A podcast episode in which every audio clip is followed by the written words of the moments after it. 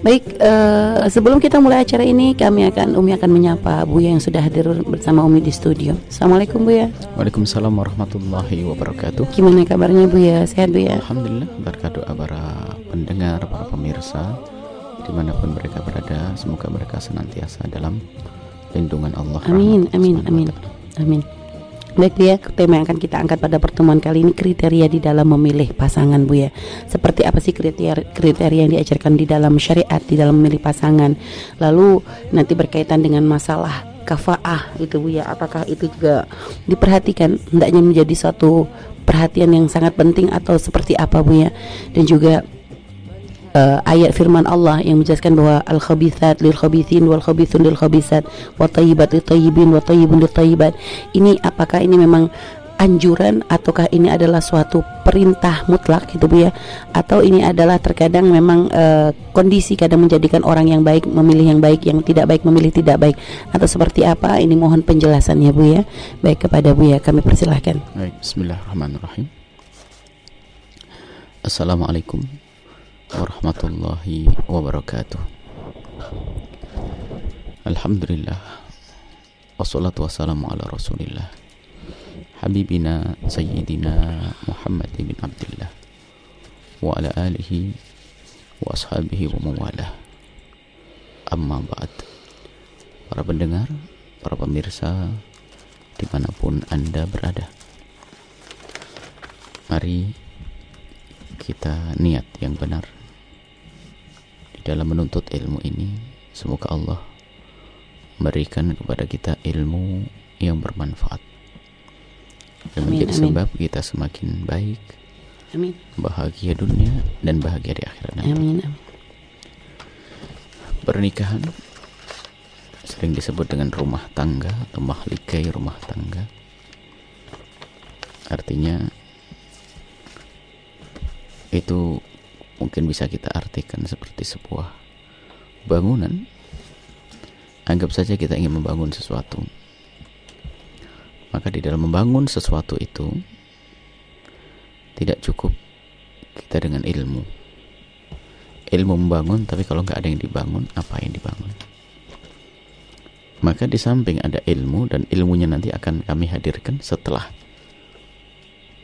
setelah masa pemilihan nanti untuk menjaga nanti agar kita punya ilmu di dalam menjalani hidup rumah tangga.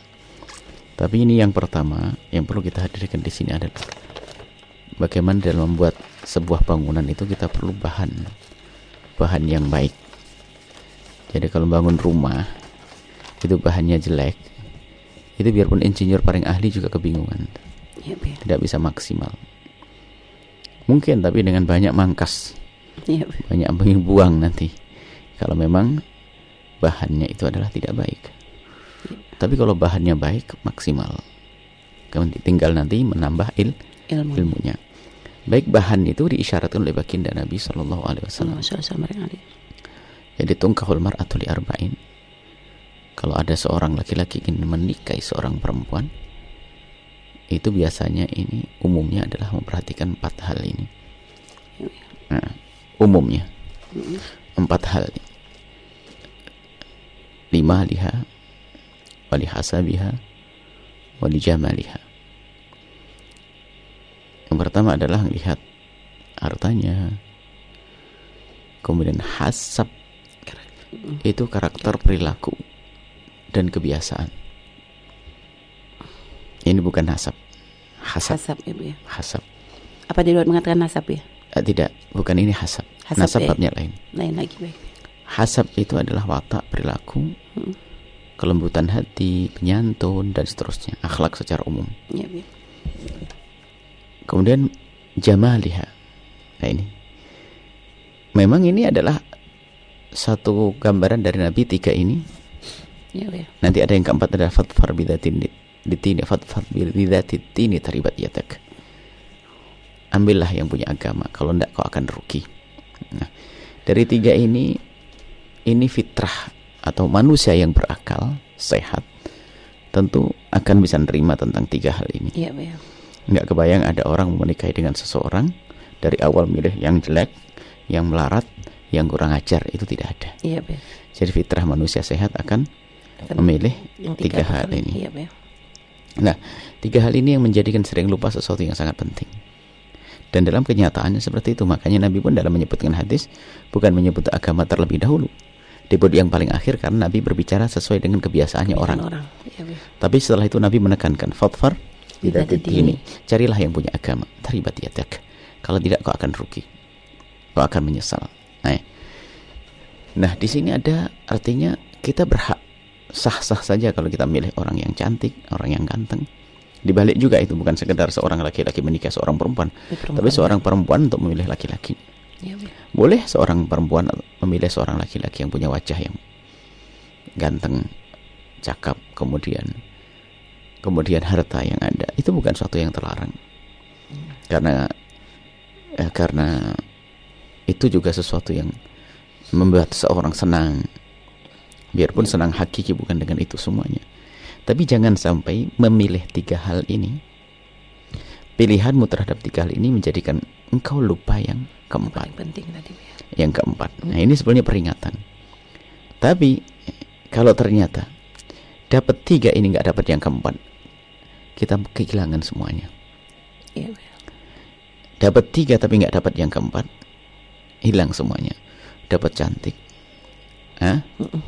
perilakunya bagus, dan dia juga kaya, tapi nggak punya agama. Apa saja bisa di dilakukan. Iya, Be. Naudzubillah. Mungkin dia seorang yang sangat penyayang. Mungkin perempuan yang lembut, tutur katanya. Dia pengasih. Tapi naudzubillah, dia tidak punya agama. Begitu mudahnya dia melakukan zina, Iya, ya kan? Tidak ada agama. Dan mungkin dia tidak sholat. Apakah mungkin seorang istri seperti itu nanti? Dia tidak sholat karena tidak punya agama. Baik, ini tiga ini penting sekali. Tiga ini penting, akan tapi ingat penting dalam bahasa manusia. Tapi jangan sampai orang memperhatikan memperhatikan tiga ini sampai lupa yang keempat. Maka dari itu alangkah baiknya. Kalau kita memulai adalah dari yang keempat terlebih dahulu. Jadi karena yang tiga-tiganya ini mempesona. Rayuan itu adalah dengan memuji tiga hal ini. Rayuan mengarah kepada syahwat. Kamu cantik, ya, kamu lembut, dan seterusnya. Ya, jadi agama itu hendaknya di nomor satukan di dalam kita memilih. Sebelum kita terpesona, sedikit sekali. Jadi beda ya orang jatuh bahasa bahasa anak muda jatuh cinta karena kecantikannya. Beda dengan orang jatuh cinta karena agamanya. Kalau orang jatuh cinta karena kecantikannya, yang ada adalah bangkitnya syahwat. Pengen melakukan sesuatu dan seterusnya. Iya, Be. Tapi kalau jatuh cinta karena agamanya, dia ingin dekat kepada Allah. Ada mungkin seorang laki-laki mendengar seorang wanita yang sangat soleha. Lihat. Dia adalah orang yang baik, ilmunya banyak, akhlaknya mulia, perilakunya ini. Dia jatuh cinta. Mungkin. Akan tapi tidak kebayang kalau dia akan jalan-jalan, kemudian mandi renang bersama, apalagi tidur dalam keadaan haram. Ini beda cara pandangnya. Makanya menjadikan kita itu terpesona itulah sebetulnya ukuran kemuliaan kita adalah apa yang menjadikan kita terpesona. Sekaligus untuk mengukur diri kita sendiri. Anakku yang soleh. Jika kamu seorang laki-laki yang hanya terpesona dengan wajah dan kecantikannya, kamu itu budak syahwat. Dan kecantikan itu akan berakhir. Pada akhirnya menjadi nenek-nenek juga. Yep. Ya kan? Sama jika ternyata engkau terpesona dengan harta, hatimu dikuasai oleh hubud dunia. Bisa saja berakhir itu harta. Bisa melarat di esok hari. Baik. Adapun perilaku yang baik, ya kan? Jika tidak didasari dengan agama, alangkah banyaknya orang berbuat baik tapi salah, nggak pakai bimbingan. Itu pun juga tidak menyelamatkan. Be. Jadi tetap yang paling utama adalah bagaimana kita mendahulukan agama. Agama. Mungkin kita bisa tentu poin bahwasanya jika ternyata keterpesonaanmu itu tidak engkau tonjolkan agamanya, maka ketahuilah engkau telah salah pilih. Siapa pun dirimu. Siapa pun dirimu. Kalau Anda terkagum dengan seseorang, nggak ada nilai agamanya, bukan terdorong dirimu untuk mendekat kepadanya atau tidak terdorong untuk meminangnya kecuali karena kecantikannya atau hartanya Anda telah salah pilih. Akan tapi paling pertama dan utama adalah orang itu kalau terpesona dengan seseorang adalah karena karena agamanya dulu. Ini ini, ini istimewa. Dan kalau sudah agama itu mahal lebih mahal dari yang lainnya. Nah, akan tapi memang agama kan tidak bisa diketahui kecuali melalui proses yang lama mungkin kawan kita kenalan kita. Kalau kita tahu pertama tidak tahu apakah jaminan orang sholat kelihatan sholat. Mungkin selama ini tidak sholat hanya karena mau ngelamar kamu aja nanti sholat kan tidak tahu. Maka di sini adalah petunjuk dari Nabi Shallallahu Alaihi Wasallam. Kalau pengen mengetahui seseorang bukan dirimu sendiri. Nah untuk memilih ini cara memilih diajar oleh Nabi. Kalau kamu seorang laki-laki menginginkan seorang wanita, maka utuslah adik perempuanmu atau bibimu atau bu, atau bibimu, adik perempuanmu atau kakak perempuanmu untuk duduk dengan perempuan tersebut. Seminggu saja sudah tahu aslinya. Ya. Dia rajin sholat atau tidak. Tutur katanya seperti apa. Apakah dia biasa orang menjadi bangga dengan dunia? Kalau bangga dengan dunia itu alamat nyeksa suami untuk belanja terus nanti. Ini contoh. Tapi kalau kita hanya sekedar berkenalan dengan cara yang selama ini dilakukan oleh anak-anak muda, semuanya adalah pengen dikagumi oleh pasangannya. Sehingga yang dihadirkan adalah tipu daya. Tidak mungkin baru kenal lalu dia marah-marah. Padahal sifatnya pemarah. Tidak mungkin dia kalau nyuri ngomong-ngomong. Padahal dia di rumah suka mencuri. Tidak mungkin dia kalau bentak ibunya lalu cerita kepada pacarnya. Biarpun di rumah dia sering membentak ibundanya. Itu budaya pacaran yang selama ini terjadi adalah budaya men menghadirkan kebohongan. Sampai dalam urusan-urusan sepele, bajunya pun bisa bisa saja pinjam kawannya hanya untuk apel misalnya, naudzubillah. Kemudian dia harapannya ada harapan syahwat. Biarpun ada di antara mereka yang pada akhirnya harapan untuk sampai kepada derajat pernikahan, akan tapi sudah dikotori dengan perjalanannya yaitu mendahulukan selain agama. Ini ini yang perlu kita perhatikan anak-anakku semuanya. Makanya kita mungkin menemukan sebuah komunitas. Di situ ada orang menikah tidak pernah mikir tentang hartanya. Subhanallah. Yang penting anaknya baik saja. Oh ini istimewa.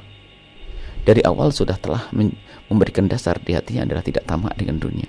Ya, Tapi kalau sudah dari dasar pernikahannya karena tamak kepada dunia, lihat capek. Kita menemukan ada suami kerja di mana, istri kerja di mana, hidupnya kok susah banget. Padahal hidupnya juga tidak susah-susah benar. Ya, Tetangganya ada lebih susah lagi. Yang menjadikan susah anak apa? Dia hobi dunia tamak kepada dunia gaya hidupnya yang salah. Baik.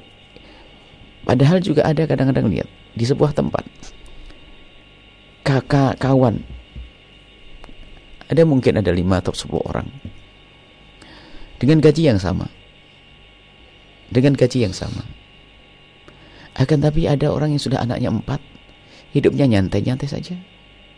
Tapi ada yang di situ belum punya anak saja kayak kurang terus.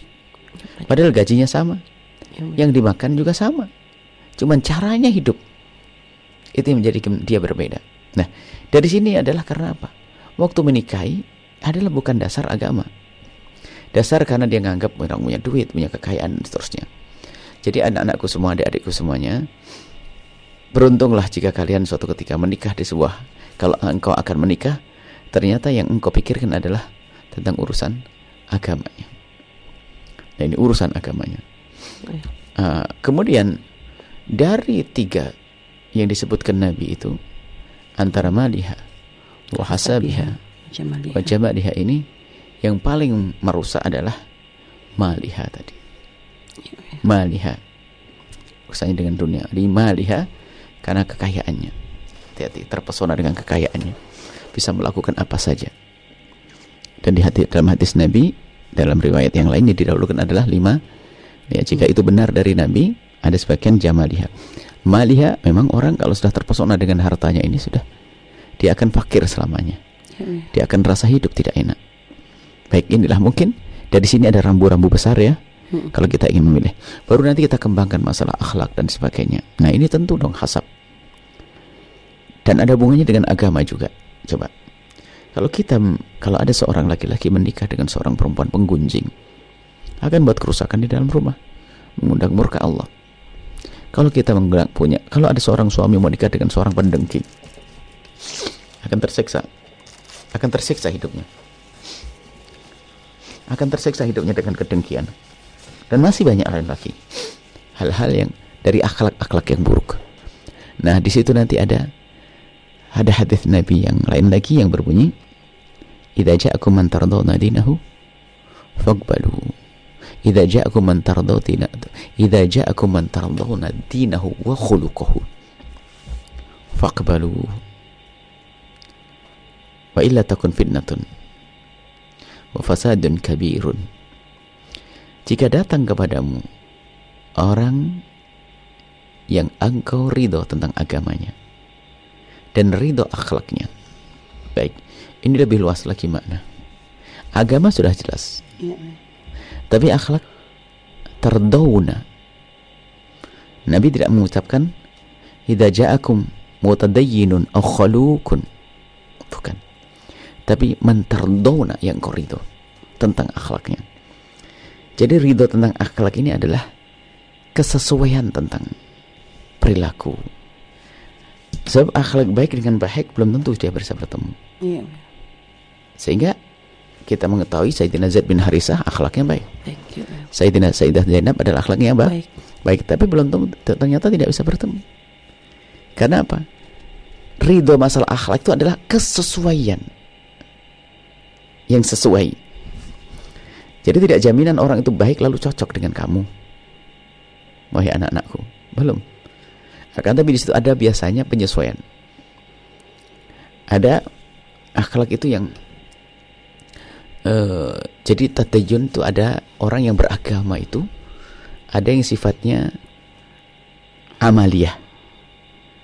Ada yang fikriyah. Amaliyah itu begini. Ada seorang perempuan mungkin ilmunya adalah pas-pasan. Tapi dia rajin ibadah. Maka ini termasuk golongan mutadai mutadayyin yang beragama. Tapi ada satu orang dia ilmunya banyak dan dia baik secara perilaku akhlak. Cuman dia bukan bukan orang yang rajin kuat ibadahnya. Dua-duanya adalah mutadayyun. Coba kalau ditemukan, misalnya seorang laki-laki yang dia punya ilmu, punya ilmu, dan dia baik. Akan tapi karena dia terlalu banyak kesibukan yang lainnya, Mungkin sholat malamnya pas-pasan saja.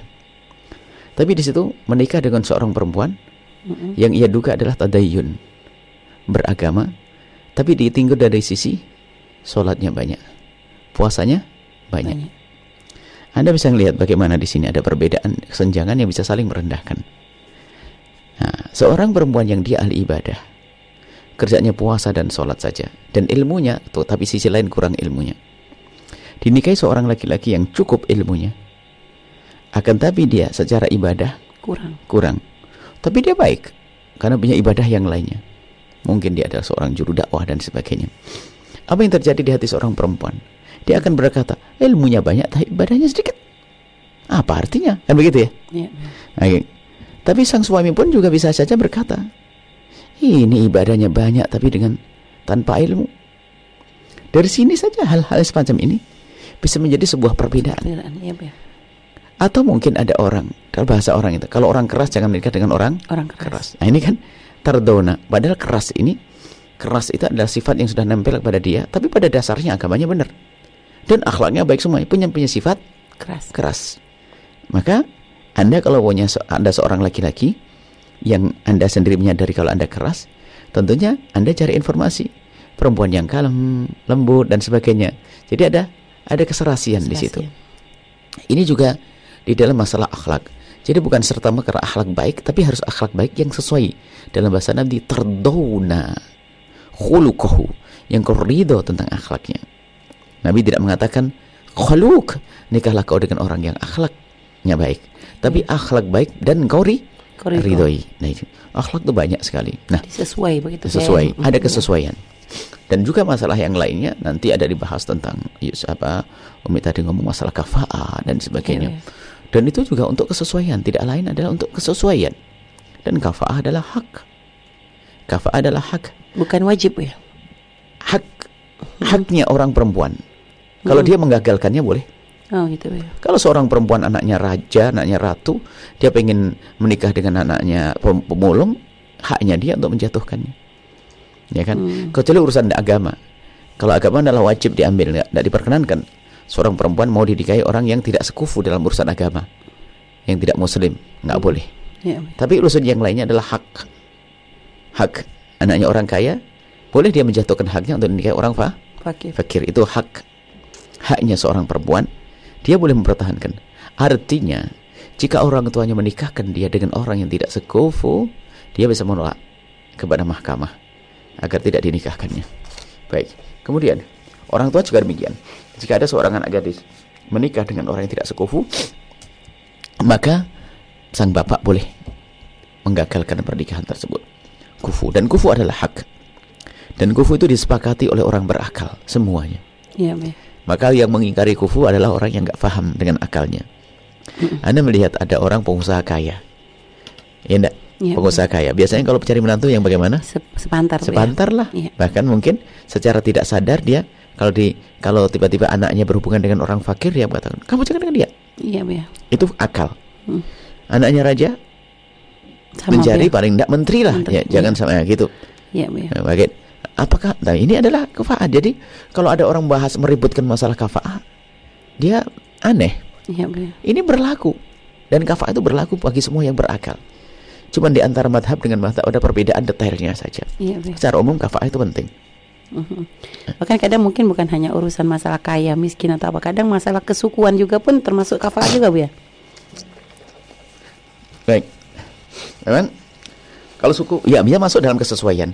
Tapi harus kita ketahui bahwasanya Mhm. misalnya baginda Nabi wasallam perempuannya tidak boleh dengan itu juga masalah kafaah yang yang yang diakui di dalam madhab kita Imam Syafi'i, Imam Hanafi dan Imam Ya. Hambali. Mhm. Tapi kalau masalah suku itu adalah eh, sama tidak ada perbedaan. Iya, Bu ya. Misalnya antara suku Jawa dengan suku Sunda dan sebagainya. Cuma di sini ada masalah terdona tadi. Bu ya. Kenyamananmu itu dengan siapa? Orang Jawa dengan Jawa, Jawa. Sunda Hmm, dengan Sunda. Tapi kalau seandainya mereka sih tidak ada. Ini Tidak masalah. hmm. Hmm. Karena Iya, Bu ya, masalah suku suku, terdona. suku suku semuanya. Iya, ya. Ada masalah kelebihan daripada uh, Quraisy dan ini adalah karena ada ada nas. Mhm. Biarpun pada akhirnya nanti juga masalah ketakwaan yang tertinggi. Iya, Baik. iya, baik. Hmm. Yasmana, Bu ya, terima kasih Bu atas penjelasannya dan juga eh, kepada pemirsa Albaca TV dan juga sahabat radioku di mana pun Anda berada. Ini ada mukaddimah Bu ya tentang kriteria di dalam memilih pasangan.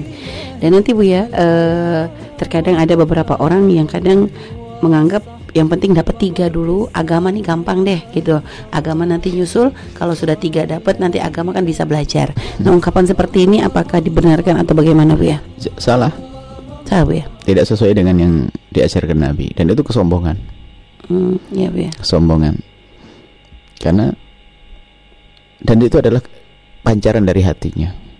ya Dan empat lima yang paling utama. Pancaran iman itu akan kebaca pancaran hati. Dari empat ini apa yang paling utama kalau kita orang beriman coba? agama tentu Agama ya. tentu. iya bu ya. Mau tidak mau. Bagaimana orang yang katanya dia mempercayai agama yang terbaik lalu menomor jadikan yang terakhir? ya. Ya nggak bisa. Tetap salah apa pun bentuknya. Biarpun jika ada orang menikah dulu saya menikah karena terpesona dengan kecantikannya. Kemudian setelah itu jadi dan sebagainya. Itu nanti adalah babnya beda.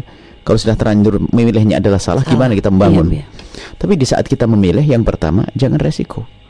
Ya. Dahulukan agama. Dan Anda harus yakin bahasanya yang punya agama banyak kok yang cantik, ibaratnya begitu. Ya kan? Hmm, hmm, hmm. Iya, Bu. Kalau hanya orang terpesona dengan kecantikannya, naudzubillah. Ini membahayakan sekali dan alangkah banyaknya orang terjerumus. Cantik tidak berakhlak, lihat. Kenapa?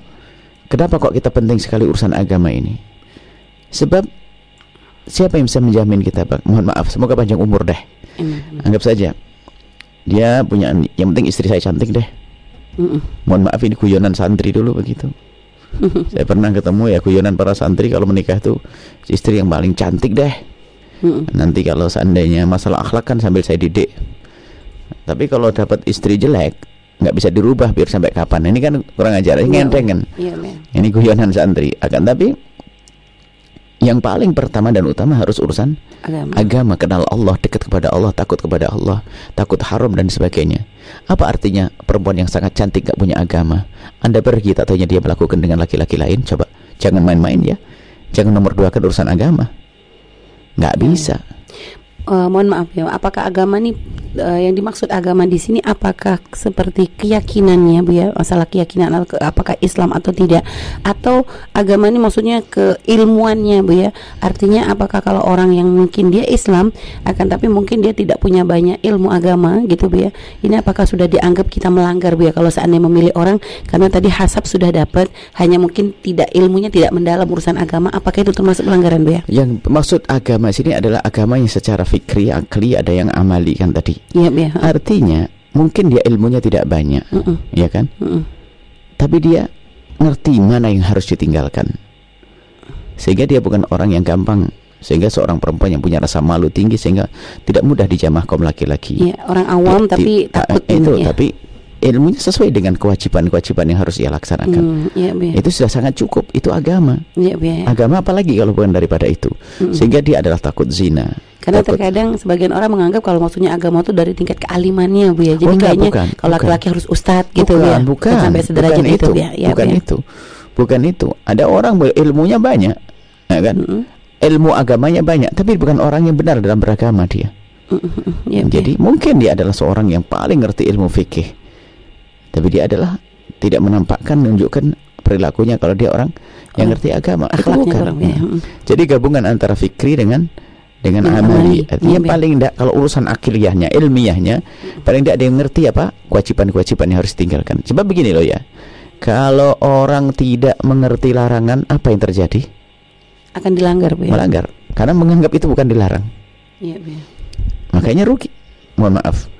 Jadi kalau ada seorang perempuan menganggap ini bukan sebuah kesalahan, apa yang terjadi? Dia akan melanggar. ya. Nah, apakah mau kita menikah dengan orang seperti itu? Ya. Ya jangan dong. Bu ya. Dia harus ngerti. Bu ya. Misalnya mohon maaf, taunya dia ya keyakinan-keyakinan juga. Keyakinan. Misalnya dia percaya kepada Allah, tapi ada keyakinan yang lagi yang mengarah pada menyekutukan Allah. Baik. Tidak cukup kita mengatakan oh dia seorang yang beragama Islam dan selesai. Oh enggak, harus tahu dong agamanya. Bahkan mohon maaf urusan tadayun di sini. Masalah akidah, Bu ya. ya kan? Sekarang ada kelompok akidah macam-macam. Mm-mm.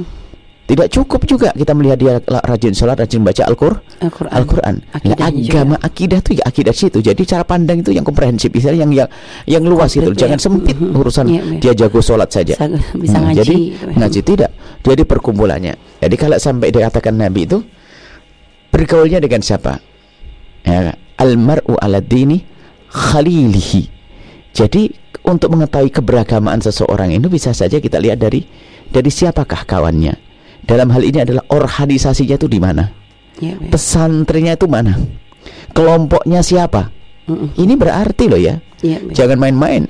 Nah, sekarang akidah ada akidah nga- ngaco banyak tersebar di penjuru Iya, negeri iya. ini. Nah kalau kita hanya melihat orang yang Masya Allah saya pengen seorang perempuan yang hafal Quran saja Banyak hafal Quran pada zaman Nabi, pada zaman sahabat Nabi Khawarij Pembunuh Iya. Imam Ali bin Abi Thalib dan seterusnya nggak cukup Iya. Ada mungkin seorang perempuan hafal Quran Beh, Luar biasa, hafalnya kuat Tapi belum tentu jaminan akhlaknya baik Belum tentu beragamanya benar Itu hanya menghafal Quran saja Iya, nggak cukup Atau mungkin dia itu lulusan sebuah pondok pesantren nggak cukup harus tahu bagaimana perilakunya di pondok Di pondok, pondok ya. pesantren Iya, Bu ya. Makanya kalau kita menikah itu biasanya kita minta rekomendasi dengan seseorang. Nah orang itu biasanya orang soleh. Orang baik itu kalau memberikan seseorang kepada anda, dia tentu dengan pertimbangan matang, kemaslahatan, bukan asal saja. Maka dari itu penting sekali di antaranya kita istisyar, minta petunjuk kepada orang-orang alim, orang-orang soleh untuk memandang pantas dan tidak pantasnya. Nah ini seperti itulah jika memandang tentang tentang pasangan Iya, itu. Dan mohon maaf ya, ini ambil satu contoh ya. Jika ada seorang wanita, dia punya akhlak baik lah ya. Artinya secara ini perilakunya itu ada nampak satu hal yang ada menonjol di situ. Uh, hanya mungkin dalam ya tadi ya dalam syariat tidak sempurna, mungkin dia belum pakai hijab. Akan tetapi sebenarnya kalau melihat dari karakter dia sangat mudah untuk dibimbing. Nah, kalau seandainya seperti ini dipilih apakah termasuk melanggar hadis Nggak, Nabi itu ini? Ya? termasuk tadayun. Artinya ada tadayun ini adalah kepatuhan kepada agama. Hanya karena terbatasnya ilmunya dia, Iya, ya. sehingga dia banyak melanggar. Mm-mm. Tapi dia pada dasarnya apa? Ada insaf itu. Ada Bu. insyaf di dalam Iya. hati. Itu bentuk tadayun. Bahkan Iya, Nabi iya. menyebutkan yang paling penting itu. Ya, Nah, ya. paling penting sampai dikatakan istafti qalbak wa in aftauk wa in aftauk. Orang ngomong apa saja, dia bertanya hati kecilnya, ada keinsyafan di dalam dirinya. Jadi insyaf itu penting sekali. Mungkin orang itu secara agama sangat minim, Iya, Bu ya. tapi dia punya sifat insyaf. Nah, ini makanya tadi kita sebutkan uh, albaru ala dini khalilihi. Kita bisa, oke. Dia adalah orang yang masih minim agamanya. Tapi lihat siapa yang dicintai oleh dia. Siapa yang dikagumi. Nah, ini kan punya pengaruh nanti. Iya, ya. Kalau dia kagum dengan ulama, hormat dengan ulama, mudah untuk dibentuk. Tinggal antarkan saja ke ulama, dia akan menimba ilmu. situ.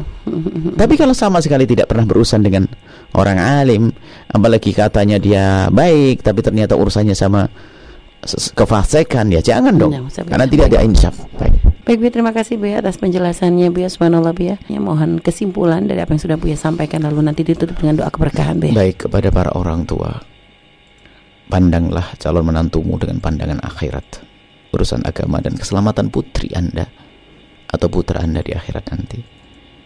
Jangan membiasakan memandang calon menantu adalah dengan pandangan duniawi. Akan terhinakan. Kalaupun ternyata setelah Anda memandang akhiratnya, kemudian Allah beri dunia, itu adalah hadiah dari Allah Subhanahu wa taala. Tapi jangan membiasakan kriteria pertama dan utama adalah urusan dunia dan gebiar dunia. Ini nasihat kepada para orang tua dan nasihat kepada adik-adikku semua yang mau menikah. Kemudian yang kedua yang harus Anda perhatikan di dalam memilih pilihan itu nanti kita belum masuk bab istikharah ya pertemuan yang akan datang insyaallah bagaimana kita ingin melangkah.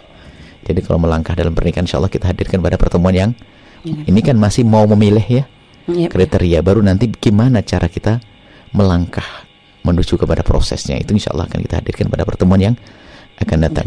Kemudian yang kedua yang harus dihadirkan kepada calon uh, setelah uh, masalah pemilihan pemilihan memilih yang benar maka biasakan jadikanlah anda orang yang bisa benar-benar memilih. Jadikan anda orang yang benar-benar bisa Bisa memilih. bisa memilih. Artinya begini, kosongkan hati hati anda dari si A, si B, si C, agar bagi anda pilihan anda itu luas. Iya. Yang jadi masalah adalah kalau sudah gula jawa rasa coklat, Bu ya. dunia seluas daun kelor, ada pilihan yang banyak hanya dia saja. Maka biarpun tidak masuk kriteria, akan anda paksakan Bu ya. maka tidak akan sampai kepada tujuan yang sesungguhnya. Maka budaya pacaran itu sebenarnya menjurumuskan pada akhirnya karena sudah terikat dengan janji-janji, terikat dengan syahwat yang selama ini sudah mungkin dilatih. Dengan SMS yang dikirim, WA yang dikirim, diskusi-diskusi yang mengarah kepada urusan-urusan seperti itu. Sehingga merasa terikat padahal mungkin kalau bukan karena tertipu dalam syahwatnya itu tidak akan bisa mencintainya. Maka berbahaya sekali kasus pacaran adik-adikku yang dia cintai dan kemudian bahayanya pacaran mengarah kepada perzinaan dan itu yang difirmankan Allah wala taqrabu zina. Jangan anda mendekati perzinaan bahaya. Dan juga orang yang biasa dengan berpacaran sebenarnya telah menghabiskan waktunya sesuatu yang tidak jelas. Harus berpikir untuk yang tidak jelas sakit untuk yang tidak jelas macam-macam ganggu belajar dan sebagainya. Akan tapi adik-adikku semuanya takutlah kepada Allah. Anda serius, kalian serius dengan belajar kalian. Kalau sudah pada waktunya untuk menikah nanti, lihat. Tetap kosongkan hati Anda dengan si A, si B, si C. Anda tinggal lihat siapa di hadapanmu. Seribu laki-laki itu pilih. Mudah. Pilihanmu banyak. Ya. Tapi kalau sudah orang mendahulukan rasa senang dulu, bagaimana bisa memilih? Mau istikharah kelihatan dia. Bu ya. Bahkan mungkin berbohong dengan orang tuanya sehingga akan dia sifati dengan sifat-sifat yang tidak ada badannya berbohong ini saja semoga Allah mudahkan anda Amin. ada anakku ada adikku yang ingin menikah semoga Allah memudahkan kalian mendapatkan pasangan yang Allah ridhoi Amin, sehingga amin, kalian amin. bisa menjalani hidup dengan keridhaan Allah Amin. bahagia di dunia dan bahagia itulah harapan kami Amin, amin, amin. Baik, ya, terima kasih Bu ya. Selanjutnya ditutup dengan doa keberkahan Bu ya. Bismillahirrahmanirrahim Alhamdulillahirrahmanirrahim Allahumma salli ala Sayyidina Muhammad wa ala Sayyidina Muhammad Allahumma ya Allah pandang kami dengan kasih sayang dan cinta darimu Ya Allah yang sudah menikah wujudkan keindahan dalam rumah tangga mereka Kebahagiaan saling mencintai saling berkasih sayang Dan untuk adik-adik kami anak-anak kami ya Allah. Siapa pun yang belum menikah jaga hati mereka. Jangan kotori hati, jangan sampai hati mereka kot- kotor ya Allah. Jaga hati mereka dan mudahkan mereka untuk memilih pasangan orang-orang yang kau ya Allah. Memilih pasangan orang-orang yang kau cintai ya Allah. Amin. bimbing mereka kepada kemuliaan di dalam pernikahan. Amin. dan berikan kepada mereka kelak keturunan. Anak yang soleh soleha yang dibanggakan oleh kekasihmu Nabi Muhammad. Amin. Dan jadikan para orang tua orang tua yang mendengar suara ini. Orang tua yang mempermudah urusan pernikahan anak-anaknya. Jangan sampai mereka menjadi orang tua yang mempersulit urusan pernikahan anaknya. Hingga banyak di antara orang tua yang mempersulit urusan pernikahan anaknya menjadikan sebab anaknya masuk dalam perzinaan dan kehinaan. Semoga Allah ya Allah ampuni kami ya Allah. Ampuni orang tua kami ya Allah. Amin. ampuni anak kami semua anak-anak kami. Dan kami mohon siapa pun yang saat ini ya Allah terjerumus dalam cinta yang haram pacaran dan lain sebagainya ya Allah. Reda ya Allah tata hati mereka. Jangan sampai mereka terjerumus dalam syahwatnya. Jauhkan kami dan mereka dari zina yang hina ya Allah. Buka pintu halal untuk kami dan mereka. Buka pintu halal untuk kami dan mereka. Panjangkan umur kami dalam ketaatan serta sehat walafiat dan berikan kepada kami semua khusnul khotimah mati dalam keadaan iman iman iman. Dan kami mohon ya Allah jadikan ucapan kami di akhir hayat kami kelak. Saat engkau hendak mencabut nyawa kami kami ingin saat itu ya Allah hati dan lidah kami mampu mengucapkan kalimat agung dan mulia لا إله إلا الله محمد رسول الله. لا إله إلا الله محمد رسول الله. لا إله إلا الله محمد رسول الله صلى الله عليه وسلم. ربنا آتنا في الدنيا حسنة وفي الآخرة حسنة وقنا عذاب النار. وصلى الله على سيدنا محمد وعلى آله وصحبه وسلم. الحمد لله رب العالمين. الفاتحة.